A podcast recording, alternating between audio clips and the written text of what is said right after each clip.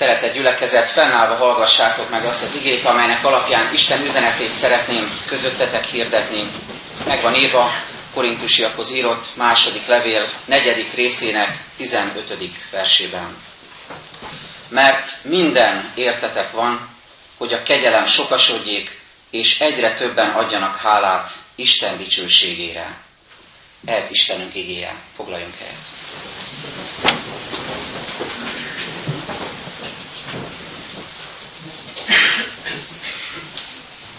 Az ünnepünknek mindig elválaszthatatlan része, és így volt ez idén is, a karácsonyi jó kívánság. Sokféle jó kívánságot meg lehet fogalmazni egészen személyes és kreatív módon, és egészen sablonos módon is, úgy, ahogyan mindig is szoktuk, és így is valamilyen módon hozzájárulhatunk a másik ember ünnepléséhez, segíthetünk ebben egymásnak.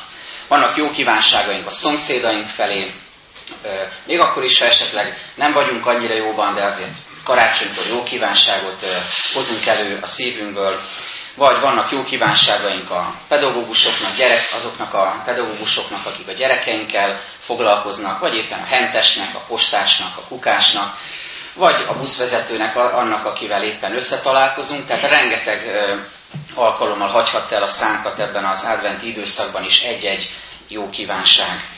És nem csak mi kívánunk jót, hanem mi is kapunk jó kívánságot.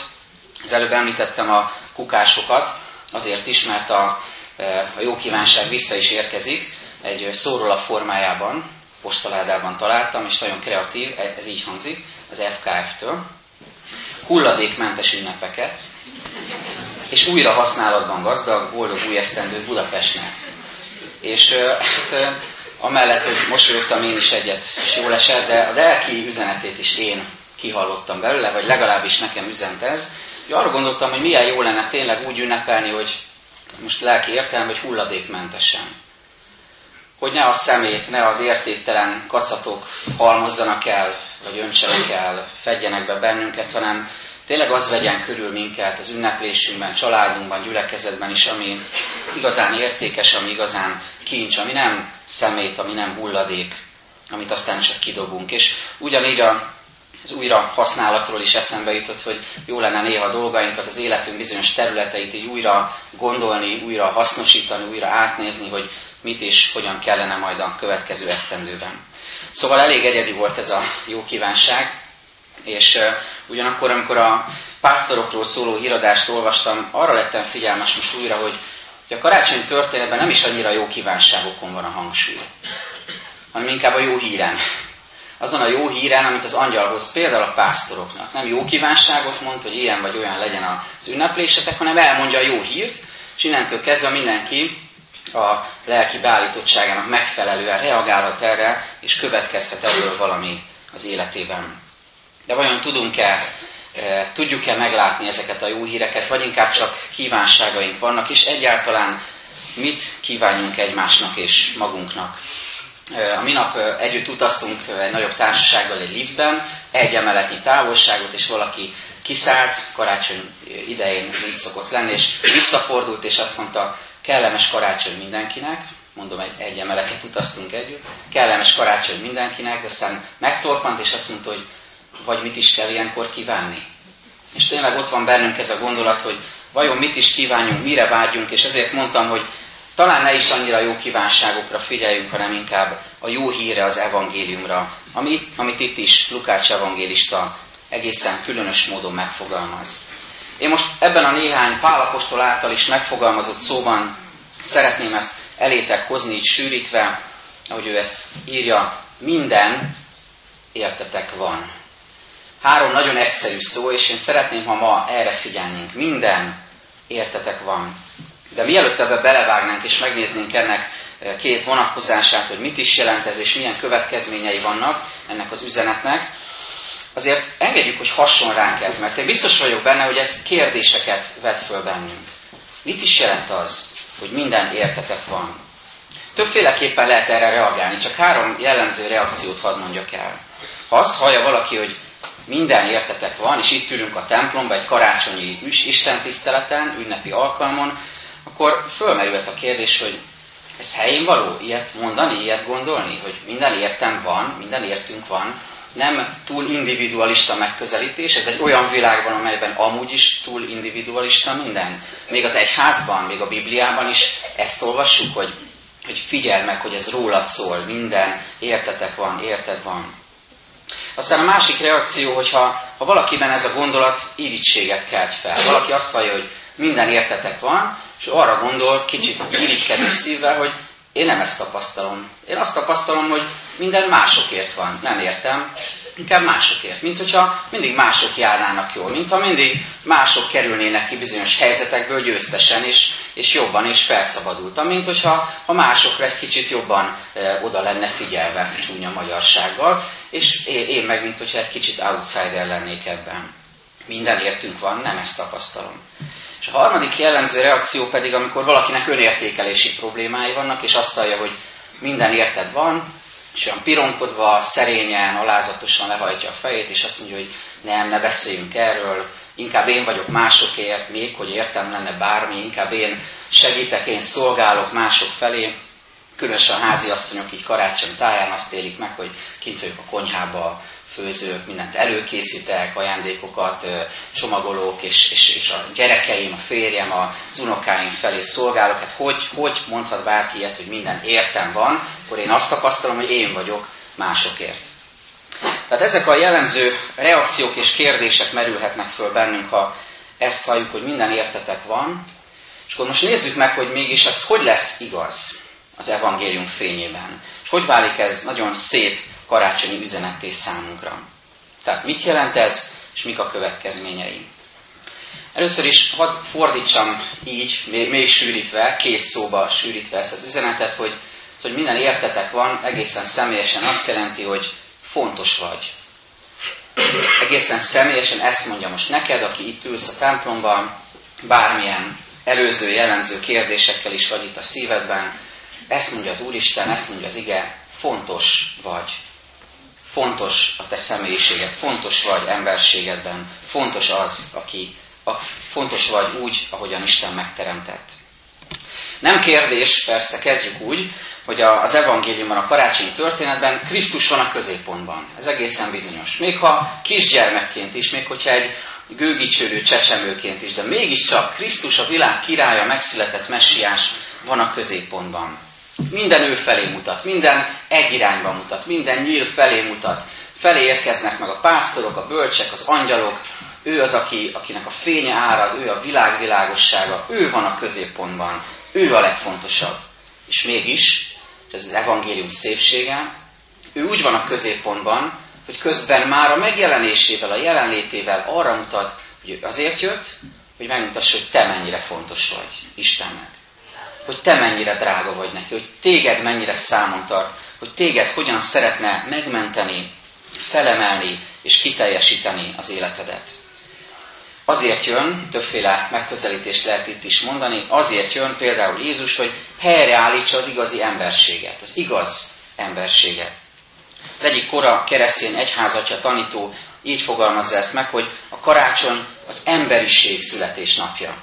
Milyen érdekes teológiai képzett társítás ez, hiszen Jézus születésnapja a karácsony, és mégis igaz, azt is mondhatjuk, hogy, hogy a karácsony az emberség, az emberiség születésnapja is. Mert Jézusban azt mutatja meg Isten, hogy, hogy milyen lehetett volna az ember eredetileg, milyennek teremtette őt. És milyen lehet, hogyha Krisztusivá válik, hogyha benne megváltás nyer. Tehát Jézus azért jön, hogy helyreállítsa az igaz emberséget. De aztán tovább menve Jézus azért is jön, hogy kifejezze, hogy mennyire drágák, fontosak neki a teremményei, az emberek, a gyermekei, általában véve mindenki. És a harmadik még személyesebben, hogy Jézus azért jön, hogy ma is, 2016 karácsonyán biztosítson bennünket, téged, engem arról, hogy folyamatosan ugyanúgy fontosak, drágák vagyunk számára. Ezt élik át a pásztorok. Hadd idézzek csak néhány részletet az előbb felolvasott történetből, hogy ez miből látszik. Hogyan mutatkozik meg ez az evangéliumi üzenet, hogy minden értetek van. Például olvassuk, hogy az úrangyala megjelent nekik. Körülragyogta őket az Úr dicsősége. Mert íme nagy örömet hirdetek nektek. Üdvözítő született ma nektek. a jel pedig ez lesz számotokra, és a földön békesség és az emberekhez jó akarat. Mintha minden a pásztorokról szólna, ezekről az egyszerű emberekről. Az angyal is erről üzen. Ezt érik át a pásztorok Jézus közelébe. Hogy mi jövünk valakihez, aki, aki a megváltó, aki megszületett, és mégis olyan, mintha mindez értünk történne, mint hogyha rólunk szólna, ott vagyunk ebben a történetben. Bennünket szeret az Isten. És ugyanezt fogalmazza meg Pálapostól is, amikor azt mondja, hogy minden értetek van. Miért? Azért, mert karácsonykor Isten nem csak egy öncélú erődemonstrációt hajt végre, nem csak egy dicsőség demonstrációt. Nem csak arról van szó, hogy Isten tesz valami hatalmasat, ami eh, hatalmas fényességgel jár, sokan pásztorok közül megfélelnek tőle, eh, nem tudják hova tenni ezt a nagy, nagy erejű eseményt, és aztán Isten visszahúzódik a mennyei lakba, és ugyanúgy folytatódik minden, ahogy addig. Nem. Isten nem csak demonstrál valamit, hanem szeretne kapcsolatba lépni az emberrel, Krisztus által. És ezért fejezi ezt ki Pálapostól, hogy minden értetek van. Mindaz, amit Isten tesz, mindaz, amit Isten elgondolt, mindaz, amit Isten tesz személyesen az életünkben, az értünk, a mi javunkra, a mi épülésünkre van. A jó hír tehát az, és most már nem az elején említett individualista szemlélet szerint, hanem a Biblia látásmódja szerint, isteni látásmód szerint, hogy fontosak vagyunk. Fontos vagy. Nézzük meg, hogy ez hogyan válik igazá, és mire kell figyelni, amikor ezt a mondatot kimondjuk. Két üzenetét hadd osszam meg ennek veletek. Az egyik, hogy igaz, hogy fontos vagy, de ez nem jelenti azt, hogy fontosabb vagy másoknál. És ugyanennek az igazságnak a másik fele is igaz, hogy nem jelenti azt, hogy kevésbé vagy fontos másoknál. Isten számára mindannyian Krisztusban, az ő áldozata, az ő szeretete által ugyanolyan fontosak vagyunk. Egy ember, egy nép, egy csoport, egy felekezet sem mondhatja azt, hogy ő több a másiknál, és egyiknek sem kell azt gondolnia, hogy kevesebb a másiknál. Személyesen, egyenként, emberként is ezt megtapasztalhatjuk. Krisztus számára, Krisztus szemében nincsen feljebb való vagy alávaló, hanem mindannyian ugyanolyan fontosak vagyunk. Hogy a Galata 3-ban mondja Pál apostol, Krisztusban, és ez fontos a kezdet, Krisztusban nincsen se zsidó, se görög, se szolga, se szabad, se nő, se férfi, hanem eltűnnek ezek az egymástól elválasztó falak és különbségek, és benne egyek lehetünk, egyenlőek lehetünk. Ez az egyik üzenet. A másik pedig, hogy fontos vagy, de nem amiatt, amit teszel. Számomra ez most újra nagyon fontossá lett. Mindig az, de most karácsonykor különösen is. Fontos vagy, de nem amiatt, amit teszel. Nem a teljesítményed, nem a kinézeted, nem a ruházatod, nem a súlyod, magasságod, nem az iskolai eredményed, nem a munkahelyi előrehaladásod, a testi állapotod, vagy éppen a vallásos erőfeszítésed számít. Nem ezek miatt leszel kedves Istennek, és nem emiatt vagy számára fontos, hanem önmagad miatt. Te magad vagy Isten számára fontos, és a szívedet keresi ezen a karácsonyi ünnepen is. Óriási dolog, hogyha van tudásunk arra, hogy mi történt, hogy hogyan született meg Jézus. Nagyszerű, hogyha ismerjük a karácsonyi történetet, ha van Biblia ismeretünk ha van dogmatikai ismeretünk, ha van hitvallás ismeretünk. De igazán akkor ragyog fel nekünk az evangélium, amikor személyessé válik. Amikor ez, ez a mondat, hogy minden értetek van, hogy te fontos vagy Isten számára, drága vagy neki, ez egészen személyessé válik, egészen közel jön, akkor lesz megélt valóság a karácsonyi evangélium. Jézus Krisztus beszél a pásztorról, aki száz juhát legelteti, és abból egy elkoborol, és ezért az egyért is elmegy a pásztor. Jézus ez a jó pásztor, ki utánunk jön, megtalál, megkeres, megragad bennünket, és visszahoz, visszaszeretget önmagához. Nagyon különös élményem volt, amikor teológusként szorvány gyülekezetekbe mentem, ahol a szorvány lelkészek 5-10 vagy akár több gyülekezetet is gondoztak, és előfordult, hogy olyan helyeken szolgáltam én is, ahol minden vasárnap ezt a szolgálatot végezte a nagy tisztelet úr, ahol egy-két embernek hirdette az igét. És hűséggel odament, és minden egyes alkalommal hűségesen hirdette nekik az evangéliumot. Nem arra nézett, hogy hányan vannak, nem katedrálisokról álmodozott, ahol több száz vagy ezer embernek beszélhet, hanem azt a két-három, egy-két-három embert gondozta, pásztorolt a hűséggel. Akár csak Dobos Károly bácsi, aki itt is hirdette ezen a szószéken is az igét, és szorványba kerülve a tanya világban is ugyanígy egy-két embernek is hűséggel hirdette az evangéliumot. Jézus ezt a lelkületet plántálja, írja a szívünkben, hogy ő így keres meg bennünket. Mi vagyunk ez az elveszett bárány, akit megtalál, akit megment, megvárt. Minden értetek van, még ennek a résznek a lezárásaként hadd meg egy friss élményemet. Pár napja Mátrában voltunk, és Mátraházán volt a szállásunk, és iszonyú szürkeség, köd vett bennünket körül, és fölmentünk kékestetőre, hogy ragyogóan sütött a nap, és csodálatos kék volt az ég. Amikor ezt az üzenetet halljuk a hétköznapokban, vagy akár most az ünnepen, hogy minden értetek van, szerintem sokszor azért nem jut el a szívünkig, a tudatunkig, mert ez a szürkeség, ez a köd vesz bennünket körül, a hétköznapoknak a nyűgen. De amikor az ember egy kicsit felemelkedik lélekben, akkor feljebb megy, egy szinttel följebb, imádságban, Istenhez fohászkodva, Jézussal közösséget megélve, akkor meglátja, hogy milyen ragyogó világosságot áraszt ránk az evangélium. Minden értetek van. De ne csak arról beszéljünk, hogy mit is jelent ez, hanem arról is, hogy milyen áldásai, milyen következményei vannak ennek. Mert minél mélyebben, minél igazabb módon átéljük ennek az üzenetét, hogy minden értetek van, annál jobban elfordulhatunk a saját fontosságunknak a tudatától. Ez paradoxon, de mégis hadd mondjam. Tehát Isten igéje azt mondja, hogy fontos vagy, de amikor én ezt magamtól emberileg gondolom, hogy igen, én fontos vagyok, az nem ugyanaz. Amikor Isten mondja ezt neked, hogy minden értetek van, és te fontos vagy, ez az Isten akarata, ez Jézus üzenete. Amikor én ezt magamról gondolom, az nem ugyanaz. Amikor én ebben felfúvalkodok, amikor én emiatt másokat lenézek, vagy én magamat többre hivatottnak tartom, ez nem ugyanaz, mint amit Isten mond, és a, most a szívünkbe akar írni. Bizonyára többen hallottak róla, hogy Fanándor, hazánk fia, újra tengerre szállt, jó, jó pár nappal ezelőtt, és újra megkerüli a Földet egyedül, egy vitorlással.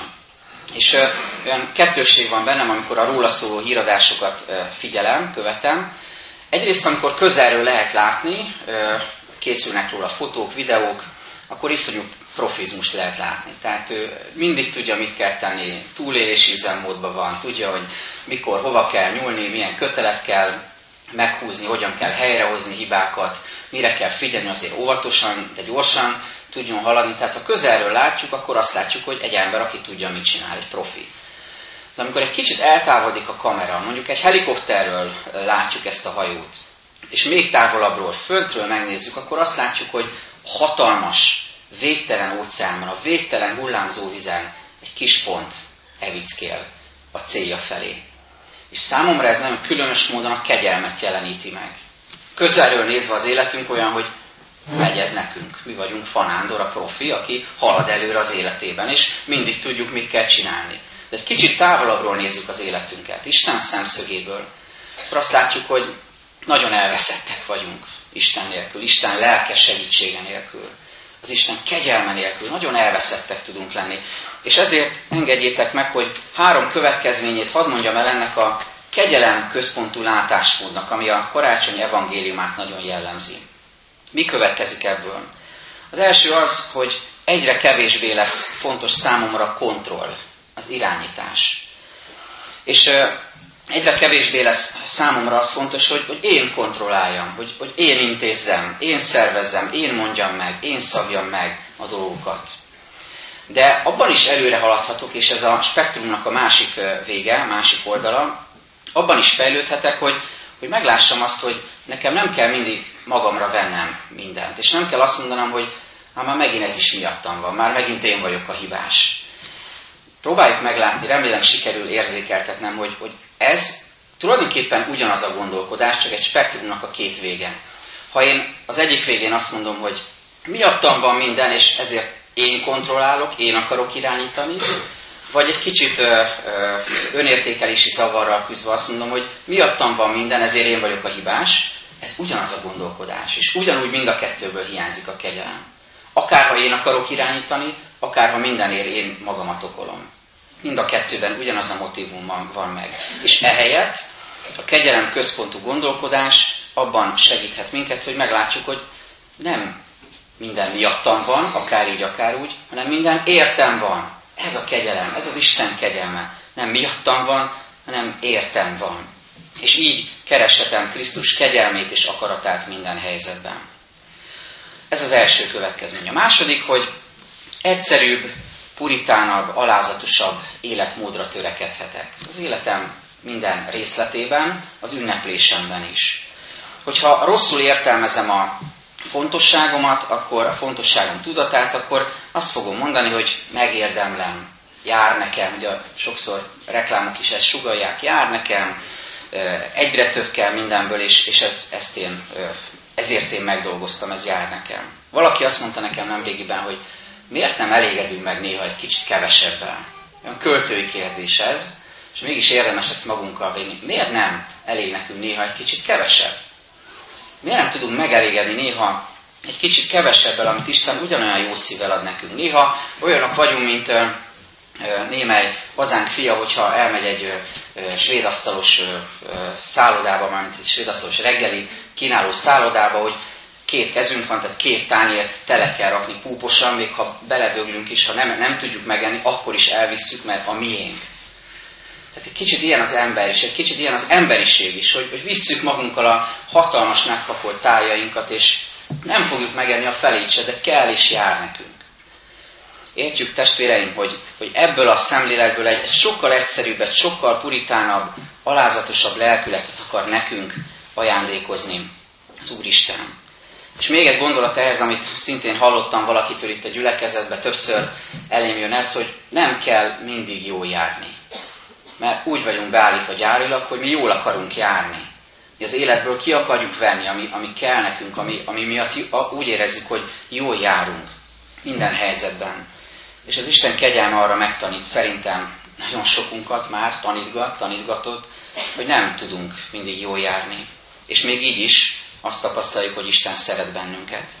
Tehát az egyszerűség irányába tol el bennünket ez az üzenet, és hogyha az elején a jó kívánságokról beszéltem, hadd mondjam, ha már mindenáron jót kell kívánni, én azt kívánom, ezt fogalmaztam meg magam számára is, hogy egyszerű karácsonyt.